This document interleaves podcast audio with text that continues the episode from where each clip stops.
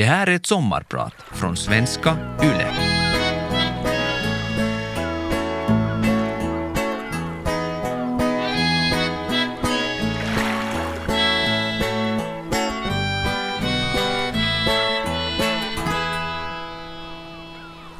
Maskinmontörslinjen på yrkesskolan i Jakobstad, våren 1982. Uppgiften är att hålla ett föredrag om någon uppfinning eller något annat tekniskt på modersmålstimmen. Mina klasskompisar pratar om kullager, pneumatik, hydraulik, fräsar och svarvar och andra maskiner. Själv sitter jag i skolbänken med ångest, nästintill panik. När min tur närmar sig känner jag mig helt lost, kallsvettig. Jag har inte ännu bestämt mig för vad mitt föredrag ska handla om. Något tekniskt, något tekniskt, något tekniskt. Orden snurrar på repeat i huvudet. Vad gör jag egentligen här? Min mamma tyckte jag var bra på att bygga kojor och pappa som jobbade på den stora fabriken Schaumanns sa att det alltid finns jobb inom industrin. Så det fick bli något praktiskt. Det fick bli maskinmontörslinjen på yrkesskolan. Nå Mikael, vad ska vi få höra om idag då? Frågar läraren och hela klassen tittar på mig. Jag tar ett djupt andetag och kläcker ur mig. Om fågelholkar. I klassrummet uppstår en total tystnad. Klasskompisarna vänder på sig och småler. Men läraren finner sig snabbt, tittar ut genom fönstret och konstaterar att vårsolen lyser. Att det faktiskt är aktuellt med att bygga och sätta upp fågelholkar nu. Jag tror att min föredrag sista sluten gick ganska bra. Men det var kanske just då som jag började fundera att jag kanske inte ska syssla med tekniska saker, utan något helt annat. Kanske bygga en annan typ av fågelholk. Mitt namn är Mecki Andersson och jag är sedan 35 år tillbaka grundare och verksamhetsledare på After Eight i Jakobstad. After Eight är ett musikcafé och en kreativ mötesplats där vi hjälper ungdomar att hitta rätt i livet. Idag ska jag sommar prata om modet att våga satsa på det man tror på, glädjen i att jobba tillsammans, om att skapa en annan typ av fågelholk, en mötesplats där vi alla får vara oss själva.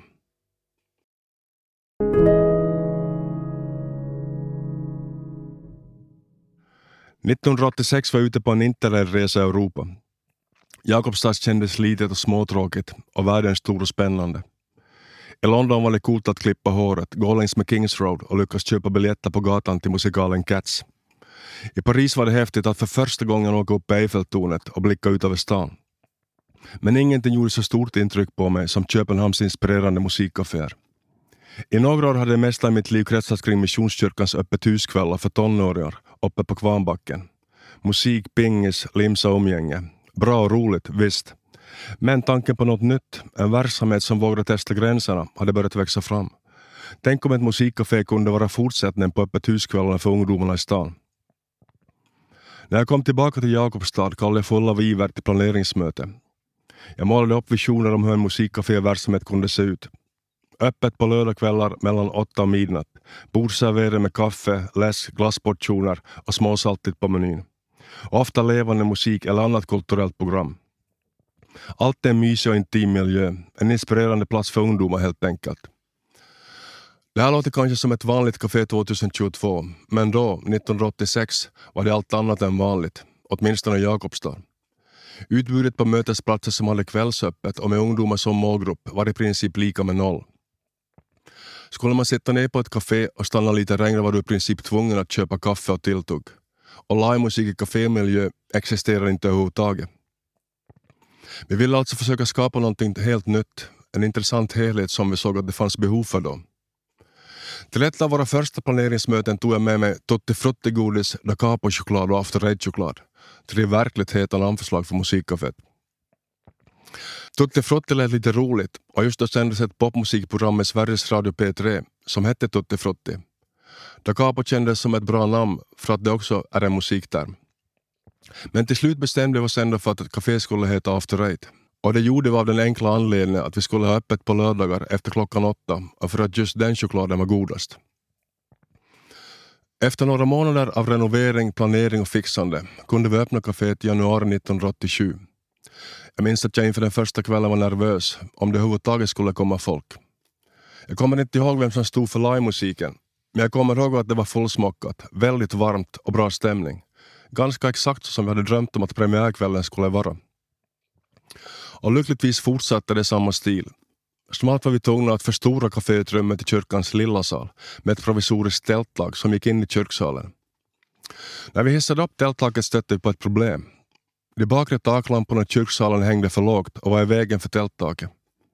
Jag tog upp problemet med min pappa och funderade om vi borde kolla med församlingsrådet om vi fick flytta på lamporna. Risken med det var att det kunde bli omständigt. I Guds heliga hus skulle man inte göra ändringar i första taget. Men min pappa, den tekniska elektrikern, hade ett bättre förslag. Och en mörk kväll var problemet med lamporna löst. Min pappa kortade av lampstängerna med en halv meter och det hängdes tillbaka på sin plats.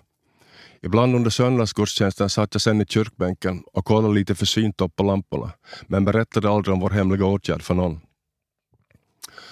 Nu 35 år senare, efter att ha bytt adress några gånger, håller vi till i Liljas hus på Storgatan i Jakobstad. Och ungdomarna fortsätter hitta till oss.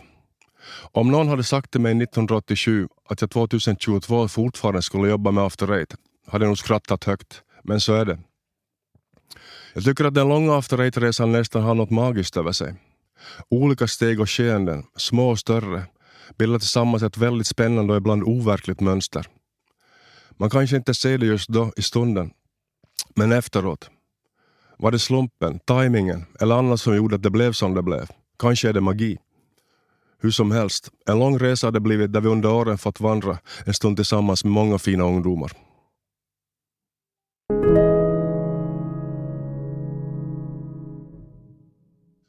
Vi startade After Eight helt på ideell basis, med talkokrafter och har gått från noll anställda till 20 personer på lönelistan. Målet har aldrig varit att bli så stora som möjligt, men när tillväxten känns naturlig, så varför inte? Huvudmålet, att skapa en sån mötesplats för ungdomar och samtidigt aktivera, engagera och ge utrymme för kreativitet i alla former, är fortfarande det vi brinner för.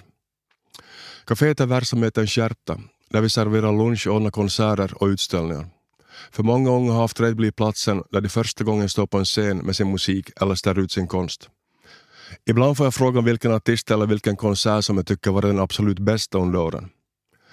Det har blivit en hel del och det mesta flyter ihop och det känns svårt eller rent av fel att bara plocka fram en eller några konsertminnen. Men visst var den slutsålda utomhuskonserten med Bo Kaspers Orkester i den mörka ljumma augustikvällen fantastisk. Eller coola sympatiska The Latin Kings som bjöd på tung hiphop och gjorde så att vi alla glömde bort att det ösregnade under hela deras spelning. Festivalen Hotter than July med Stakka Bo med de magiska första sekunderna. Hela scenen och innergården är insvept i ett blått ljus. Ett naket trumpetsolo ljuder ut över Liljas gård som är full av människor i sommarskymningen när artisten Stakka Bo äntrar scenen. Inte bättre, men det starkaste intrycken på mig är nog trots allt att få vara med och se när unga förmågor första gången vågar ta klivet upp på kaféscenen. Nervositeten och ångesten, det övervinner just i den stunden är något väldigt vackert i mina ögon. Det blir för mig nerv och själ och någonting som berör mig djupt. Till vår verksamhet hör också ungdomsverkstäder, uppsökande ungdomsverksamhet och olika nationella och internationella ungdomsprojekt. I våra ungdomsverkstäder hjälper vi ungdomar i åldern 15 till 29 år som kanske varit sjukskrivna länge eller utan arbete. Vi erbjuder arbetsprövning och arbetsverksamhet och försöker hjälpa ungdomarna att utveckla livskompetenser, som till exempel förmågan att fungera och trivas i grupp. Och så uppmuntrar vi ungdomarna till att modigt försöka på nya grejer. Det är inte farligt att misslyckas. Det klassiska learning by doing, övning ger färdighet, är vår fågelholsmelodi. I vårt uppsökande ungdomsarbete hjälper vi ungdomar hitta studie eller arbetsplats. Eller så kan det handla om att hjälpa dem reda upp sin ekonomi, hitta en bostad eller följa med som stöd till någon myndighet. För egen del blev jag After Eight mitt levebröd 1991. Penningautomatföreningen gav då ett ekonomiskt stöd som gjorde det möjligt att anställa en verksamhetslärare. Från flera håll fick jag uppmuntrande kommentarer om att jag borde söka jobbet och jag var med på noterna. Jag ville hellre jobba med något kreativt än med maskiner på fabriken livet ut. Jag sökte tjänstledigt från Schaumanns men fick avslag. Jag och min fru hade samma år köpt hus och fått vårt första barn, så det mest säkra och det mest trygga hade väl varit att fortsätta jobba på fabriken. Idén på att få jobba heltid med ungdomar och after eight gick inte att släppa. Många tyckte jag var dom som lämnade en trygg arbetsplats, men det kändes helt enkelt som det enda rätta. Stort och skrämmande, visst. Men uppdraget kändes utmanande och betydelsefullt. Jag var tvungen att säga upp mig och ge ungdomsarbetet en chans. Jag har funderat varifrån mitt intresse att jobba med just ungdomar kommer. Kanske ett kall av något slag. Jag vet inte. Eller kanske det kommer från mina föräldrar och speciellt kanske från min mamma som också var ideell barn och ungdomsarbetare. Som ung var jag också själv väldigt osäker på det mesta och mitt dåliga självförtroende har jag brottats med länge och gör det också fortfarande i viss mån. Exakt vad min osäkerhet beror på vet jag inte, men det tog sig ganska drastiska uttryck i omkring tioårsåldern. En grej var att jag relativt ofta hade en mardröm som återkom med jämna mellanrum. Exakt samma dröm varje gång. Raka lodräta laserlinjer i lila som sakta snurrade mekaniskt runt och runt. Ungefär som ett rullband. Bra så, allting en frid och fröjd. Men helt utan förvarning dök ett stort och fult sönderslitet stoppat täcke upp från ingenstans och anföll alla lila linjerna och då vaknade jag i panik. Drömmen var faktiskt ganska obehaglig. Min mamma tyckte det var bäst att besöka läkaren så det blev några läkarbesök. Och senare också någon slags uppcheck av min hjärna för att se vad som pågick i min hjärna nattetid. Det visade sig att det mesta nog tydligen var okej okay med min hjärna, men att jag nog av olika orsaker kände en viss otrygghet i livet. Idag bemästrar jag osäkerheten genom att omge mig med mina nära och vänner. Vi tycker inte lika i allt, men det bidrar till att jag kan känna mig trygg även när det blåser och det tycker jag är en stor förmån och en viktig del i livet. Och kanske är det så att jag kan se mig själv i väldigt många av ungdomarna vi kommer i kontakt med på After Eight. Om After Eight hade funnits då jag själv var ung hade det med stor sannolikhet varit en plats där jag också hade hängt. Trots dåligt självförtroende eller annat som belastar en i livet så är det viktigt att våga ta itu med grejer som känns betydelsefulla, men lite för stora och skrämmande.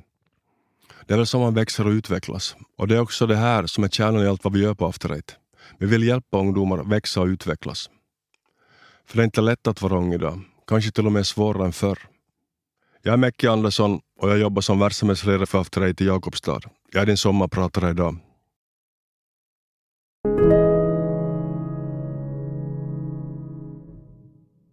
Med 35 års erfarenhet av ungdomsarbete kan jag tyvärr konstatera att ungdomarna idag inte mår bättre än de gjorde förr. I vår verksamhet ser vi en polarisering. De som mår bra, vilket många gör, mår oftast riktigt bra, medan de som inte mår bra sorgligt nog börjat må sämre. Man kan ju filosofera över orsaken. Takten i samhället, kraven på att prestera och snabbt lyckas och hitta sin plats verkar öka. Dessutom ska man helst se bra ut i sociala medier. Många tror att alla andra är och har det bättre. Det är inte bara för ungdomar som stressen och pressen ökat. Även föräldrarna till ungdomarna har det så och då är det lätt hänt att man inte orkar vara den stödjande förälder som man själv vill vara. Ibland tänker jag att det skulle vara intressant att spela in en film över alla personligheter som genom åren har tillbringat en tid på våra ungdomsverkstäder. Många är rätt nere i skolan när de kommer hit med lågt självförtroende. Ofta även med rätt gravt psykiskt illamående. I världens ögon skulle det lätt klassas som losers. Jag minns speciellt en kille som trots att han var rätt gammal kom med sin pappa för ett första samtal. Det enda han sa under den första träffen var ett ja. Och det var på frågan hans pappa ställde om han vill börja här hos oss. Idag är killen framstående i sin bransch. Många andra som varit en tid hos oss hittar också sen sin plats som vassa kreatörer och privatföretagare. Givetvis finns det även unga som gått i våra verkstäder som inte hittar sin plats och som fortsättningsvis kämpar med sitt mående efter tiden på After Eight. Vi brukar kolla upp alla som deltar i våra ungdomsverkstäder ett och två år efter avslutad projekttid. Var är de nu i livet? Har de studier, jobb eller annat? Och hur ser de tillbaka på tiden på After Eight? Har det någon betydelse och varit till någon hjälp i deras livsval, mående och framtidsplaner? Ungdomarnas svar är ofta väldigt ärliga och berörande. Inte så att After Eight är perfekt och bäst på allt, men vi har fått ett kvitto på att man med relativt enkla medel och på relativt kort tid faktiskt kan få till en positiv förändring för väldigt många. 70-80 procent av de som varit en period på After Eight mår bättre och har tagit sig vidare till studier eller annan sysselsättning. Jag tror det är jätteviktigt för unga att bara få bli sedda. Att en ungdom börjar må bättre går oftast i små, små steg. En blick, ett ljus som tänds i någons ögon, de första orden, kanske ett hej, ett god morgon eller ett försiktigt leende. Därför är det extra glädjande att ungdomarna upplever att de i vår verksamhet blir sedda och bekräftade som personer. Att After Eight är en plats där de kan bygga upp sin självkänsla och sitt självförtroende. Här får man rutiner, får träffa människor och vara en del av en gemenskap som skapar trygghet och gör dem mer säkra som individer. På After Eight har många fått modet att lära sig nya saker och även fått konkret hjälp och stöd i olika frågor som berör vardagen.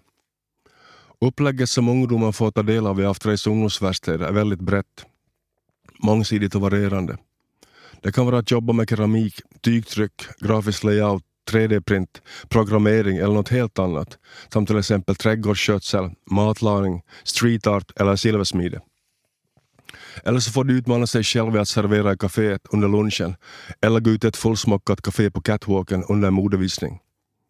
Med jämna mellanrum görs också olika gruppaktiviteter som att gå på gym, crossfit, bowling, skogsvandringar, studiebesök och olika föreläsningar. En viktig och mångårig tradition som fortfarande hålls varje onsdag morgon är vårt infokaffe. Det här är ett tillfälle där alla ungdomar och alla i personalen samlas en halvtimme i veckan. Ibland är vi nästan 50 personer. Här får alla närvarande allmän information om vad som är på gång. Vi välkomnar alla nya ungdomar och personal och avtackar alla som slutar. Vi leker, tävlar och bjuder på kaffe. I vår utvärdering om vad som varit bäst på After Eight svarar så gott som alla just infokaffe. Varför? After Eight är ju inte ett jättestort ställe. Alla ser i princip alla varje dag. Men på infokaffetillfället sitter vi alla ner tillsammans och det gör tydligen något för känslan av delaktighet. För mig blir faktiskt infokaffet ibland rent av andligt. Alla personligheter, möten och varma ögonblick. Att få se att man är en del av ett sammanhang, att uppleva samvaro.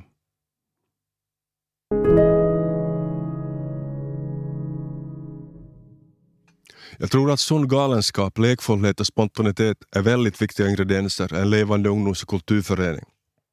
Med andra ord, jag tror helt enkelt att det är väldigt viktigt att ha roligt. Många av idéerna till våra galna upptåg och projekt har fått sin början i avspända diskussioner kring kaffebordet. När vi har skojat och bollat en idé och sen har det tagit fart och utformats till något konkret. Personalen har varje höst en så kallad topp tre-kväll där alla får lyfta fram sina tre bästa idéer som man vill förverkliga. Så har bland annat en del större konserter med kända artister, Jul på Södermalm, AI-Run och inköp av vår första firmabil kommit till. Alltid när vi ordnar stora evenemang så händer saker som vi inte räknat med. Några speciella händelser jag kommer att tänka på är när polisen avbröt konserten med indiepopbandet The Wannadies 1994 för att vi överskred nöjestillståndstiden med tio minuter. Då hamnade jag i min livs första och förhoppningsvis sista rättegång. Eller när gitarristen i salen Malf Kiss band i misstag gick rakt igenom en glasruta backstage och vi fick dammsuga honom ren från splitter från topp till tå. Eller första träffen med Thomas Di Leva, hela hans uppenbarelse och det mycket enkla scen och teknikönskemålet, rita med en tuschpenna, en mick, en vattenkanna och några apelsiner. Intressant med den kvällen var också att det gav upphov till mycket starka reaktioner i vissa religiösa kretsar. Det lär ha förekommit en bönering som vandrade runt kvarteret och bad för att konserten skulle misslyckas. En av våra största utmaningar har varit att få det att gå ihop ekonomiskt. Riktigt tufft var det 2014 och ironiskt nog så var det på grund av att ungdomsgarantin infördes. Det ledde till att Penningautomatföreningen slutade ge bidrag samtidigt som det ännu var oklart om och hur undervisningsministeriet skulle stödja verksamheten. Kommunen skulle stå för alla kostnader och eftersom Jakobstad och grannkommunerna hade det tufft ekonomiskt sedan tidigare så fick vi betydligt mindre pengar. För första gången i vår historia trodde jag på riktigt att det här var slutet för After Eight och det mådde jag själv inte heller så bra. Det blev många sömnlösa nätter. Men under den här svåra tiden blev det också uppenbart hur stort stöd After Eight verkligen har bland folk. All respons och alla uppmuntrande kommentarer om att det nog kommer att ordna sig gav oss hopp och vilja att kämpa vidare. Vi brukar säga att After Eight är en typ av Yes Det vill säga en förening som nästan alltid säger ja till olika typer av samarbeten och projekt. Inte blåögt dumt, men open-minded. Det betyder inte alltid att det blir bra och lyckat, men man vet heller aldrig förrän man har prövat och testat. Skiter det sig har man förhoppningsvis lärt sig något och blivit en erfarenhet rikare. Men tackar man oftast nej eller tvekar att ta beslut så kommer garanterat ingenting att hända.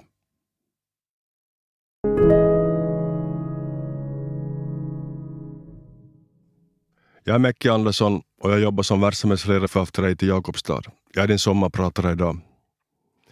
Efter att ha jobbat med det här i 35 år är det förståeligt att jag i nästan alla sammanhang blir förknippad med After Eight. Men det är inte alltid så roligt. Oberoende om man är ute på café, restaurang eller annan sammankomst dyker förr eller senare en diskussion om After Eight upp. Inget ont i det. Oftast är det bara genuint intresse och omtanke. Men ibland känns det skönt med en liten After Eight-paus. Det är kanske därför jag tycker om att resa. Det ger dessutom perspektiv och ny inspiration. I början var jag ganska nördig, nog tydligen kontrollbehov i någon form. Fast jag var ledig från vår verksamhet en lördagkväll gick jag ändå förbi och kollade i smyg. Var det mycket folk, var belysningen tillräckligt dämpad och var ljusen på borden verkligen tända. Ibland känns det till och med som att jag är after eight, men så är det ju inte. After eight har från första början varit ett lagarbete och så kommer det förhoppningsvis alltid att vara. Jag ser mig inte heller som en chef, mer som en inspiratör, koordinator och lagarbetare. Ett bra exempel på lagarbete och delaktighet är hur vi skaffade stolar till kaféet. När vi flyttade ut från kyrkbyggnaden till nya utrymmen på Köpmansgatan så gick vi ut med följande reklam. Inkommande lördag öppnar After Eight nya utrymmen. Vi har kafébord men inga stolar. Alla som kommer ska ta med sig en egen stol, vilken modell som helst och måla det hur som helst. En cool idé men samtidigt givetvis en stor risktagning. Tänk om ingen tar med sig en stol. Resultatet? Ungefär 100 personer kom och alla hade med sig en egen eller flera stolar i alla möjliga modeller och färger. Och också några soffor. Jag tycker fortfarande att idén är fantastisk, en klassiker i After historia. Ett väldigt bra praktiskt exempel på kreativitet och delaktighet som är så viktigt. Tillsammans är vårt viktigaste ord. Att jobba tillsammans, uppleva tillsammans och gå igenom olika skeenden i vår verksamhet tillsammans. Det svetsar samman och bidrar till en ärlig, stark och väldigt speciell gemenskap. Nästan som en fågelholk fylld av liv.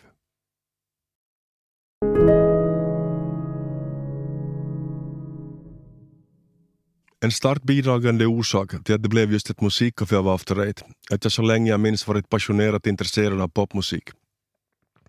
Under de första åren satt jag ner ofantliga timmar på att banda in och sätta ihop mixkassetter som skulle fungera som bakgrundsmusik i kaféet. Det var viktigt att skapa den rätta stämningen, slå an en ton, visa på att vi var en del av samtiden, hade tummen på pulsen, helt enkelt var lite eller kanske till och med mycket coola. Som barn byggde jag och min kompis trummor av pafflådor, gitarrer och plywoodskivor och höll konserter för föräldrar och grannar i lekstugan eller i vår källare. Jag köpte ofta poptidningen för min veckopeng, Suosikki och Intro. Och så klippte jag ut bilder av popstjärnor som David Bowie, Slade och Susie Quattro. Sen klistrades allt in i olika hemgjorda popalbum som jag ofta bläddrade i. På kvällarna rattade jag in Radio Luxemburg som var en pionjär med att spela popmusik. Sen blev det riktiga instrument och en hel del olika bandkonstellationer genom åren. Redson, Tramps, Ritzhaus Byrå, Grön Gandhi, Plum, Mäcki Plays Winos och för tillfället soloprojektet Fågelmannen. Musik ger mig glädje, hopp, inspiration, gemenskap, men också tröst i sorg och kanske ibland även en typ av tillflykt. När jag själv skriver musik fungerar det i viss mån som terapi. Mina tankar, grubblerier och funderingar blir ofta till texter i mina låtar. Varför då namnet Fågelmannen? Nå, därför att jag är en fågelman. Precis som intresset för musik så har också fågelintresse alltid funnits. Mycket tack vare mina föräldrar och bröder som tagit med mig ut på fågelskådning och utflykter i skog och mark. Kanske är det något med det estetiska, de olika lätena, fåglarnas beteenden och konsten att kunna flyga som fascinerar mig. Det intressanta och spännande med fågelskådning är att man aldrig vet vad man får se eller uppleva, ofta något oväntat. Kanske en sällsynt fågelart, men det kan också vara en jagande räv ute på en åker, simmande älgar över ett kärr, dansande harar eller kanske en oslagbar vacker soluppgång. För mig är fågelskådning mycket mer än bara att observera olika fåglar. Det är lika viktigt att komma ut i naturen, njuta av stillheten och tystnaden, eller rensa huvudet på tankar, att få perspektiv på grubblerier eller problem. Ibland kan jag sitta ensam uppe i ett fågeltorn i flera timmar med varm kaka och smörgåsar och bara låta tankarna flyga iväg. Tills någon intressant fågel plötsligt dyker upp och tar mig tillbaka till nuet. Fågeltornet och naturen är på sätt och vis min kyrka. Och på tal om kyrkor. After Eight började ju faktiskt sin verksamhet i en kyrka, i missionsförsamlingen Ebenezers utrymmen. Då i början kom den hel del kritik att vi var för flummiga och att vår verksamhet inte var tillräckligt kristen eller religiös. Utanför kyrkan var det däremot många som ansåg det motsatta, att avträdet var för religiöst, ett relliscafé. Balansgången har varit svår, för religiöst, för lite religiöst, för religiöst, för lite religiöst. Fördomar angående det religiösa och det andliga har vi fått dras med under många år, och kanske ännu i viss mån. Fördomar och trångsynthet överlag är något som jag annars har väldigt svårt med. Personligen är det andliga och trosfrågor också något som jag själv gått igenom och processat under åren och gör det fortfarande. Men det är något som jag sällan pratar om. Det känns som att ingen ändå skulle förstå eftersom jag inte heller själv riktigt vet eller förstår. och framförallt inte kan sätta ord på. Det blir lätt fel och det känns som att man blir missförstådd vad man än säger. Jag kommer ihåg ett tv-inslag jag såg för länge sedan, en intervju med den polska filmregissören Krzysztof Kieslowski under Göteborgs filmfestival.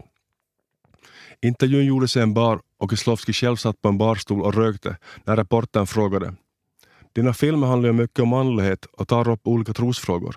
Hur är det med dig själv? Tror du på Gud? Kieslowski askade cigaretten och svarade Jag funderar inte så mycket på det. Jag funderar mera på om Gud tror på mig. Det här tycker jag är ett otroligt bra svar. Oberoende hur ens tro ser ut, liten, kör och kanske bräcklig, så är det en tro. Och en tro handlar också om trovärdighet. Att vara trovärdig som människa. Och efter aidsfall, att bedriva en trovärdig verksamhet.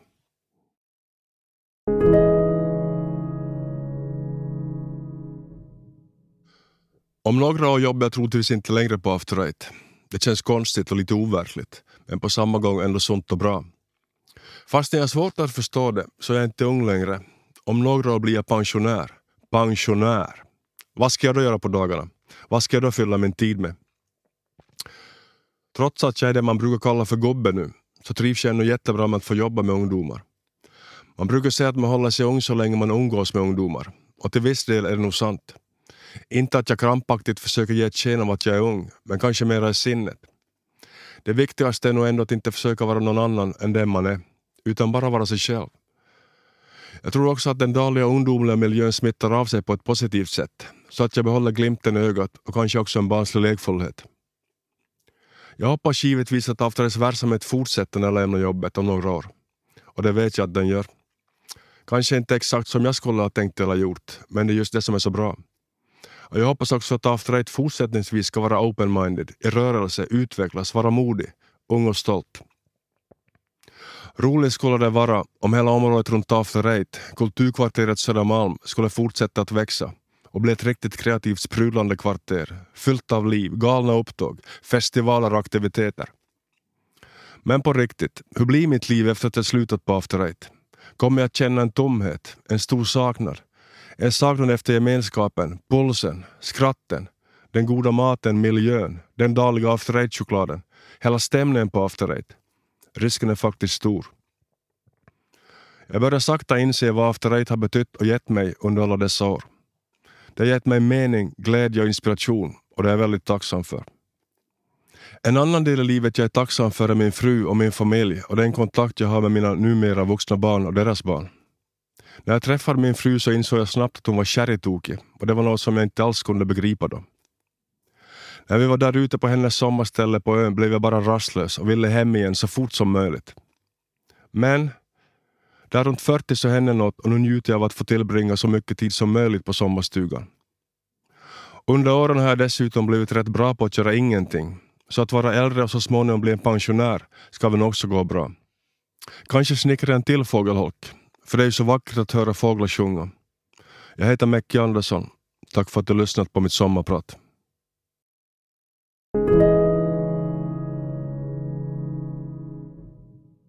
Vegas sommarpratare produceras för Svenska Yle av Parad Media.